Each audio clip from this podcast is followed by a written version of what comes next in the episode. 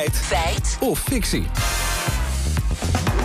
Dat gaat Lammert over alcohol en drugs. Ja, want uh, Sander Schimmelpenning schrijft vandaag in zijn column in de Volkskrant over het voorstel van burgemeester Halsema om ecstasy en cocaïne te legaliseren. Hij zegt: In mijn jeugd dronken we tien bier na de voetbal. Overigens vele malen schadelijker dan ecstasy of cocaïne. Vele malen schadelijker. Ja, tijd om dat uit te zoeken. Van, alcohol, van uh, alcohol bevat één standaard glas bier of wijn ongeveer 12 milliliter alcohol. Bij drugs is de hoeveelheid werkende stof een stuk lastiger vast te stellen, legt Daan van der Gouwen, drugsonderzoeker aan het Trimbos Instituut uit. Bij ecstasy is het natuurlijk zo, dat is een illegaal geproduceerd middel. Dus eigenlijk weet je niet wat er in een pil zit die je koopt. Tenzij je het laat testen. En dat kan gelukkig in Nederland.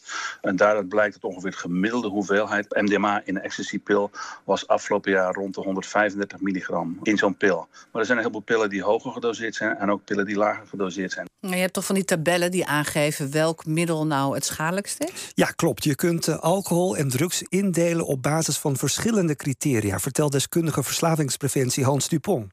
Allereerst de, de, de verslavingspotentie. Uh, dat is daarnaast de, de schade die bij werk en studie optreedt. Dat is uh, de lichamelijke schade die kan on, ontstaan. Uh, maar het is ook bijvoorbeeld de sociale schade. Hè. Denk aan, aan huiselijk geweld of aan, aan voetbal, vandalisme.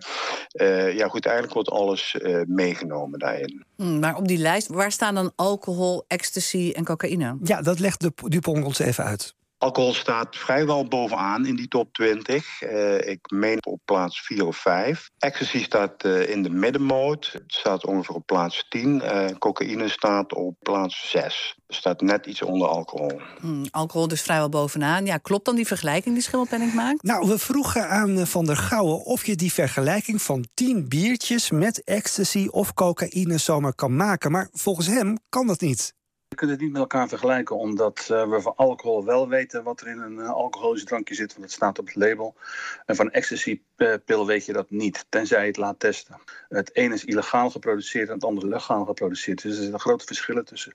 Dus je kunt de vergelijking tussen 10 glazen bier op avond of één ecstasy-pil kun je gewoon simpelweg niet maken. Ook al niet omdat mensen soms individueel gevoelig zijn voor de effecten van MDMA, van ecstasy. Ja, en bovendien moet je bij die vergelijking ook rekening houden met de persoon die het middel neemt, zegt Dupont.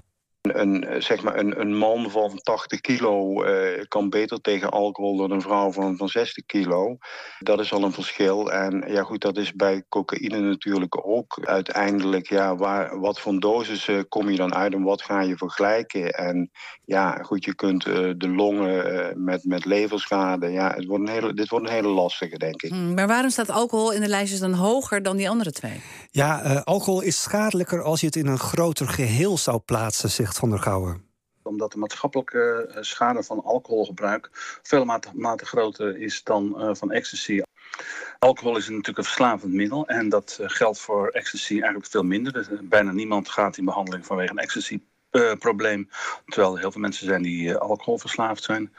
Alcohol wordt vaak dagelijks gebruikt, of wekelijks. En dat eigenlijk een hele lange periode. Terwijl mensen die ecstasy gebruiken, ja, dat meestal in hun vroege volwassenheid, zeg maar 20, 30 jaar. En daarna houdt het eigenlijk wel eens een beetje op. Terwijl alcohol gaat het hele leven lang door. Ja, alcohol is bovendien meer maatschappelijk geaccepteerd. Het gebruik en dus de schade ligt hoger. Maar ja, er gaan ook miljarden naar de strijd tegen drugscriminelen. Dus dat is dan ook weer maatschappelijke schade.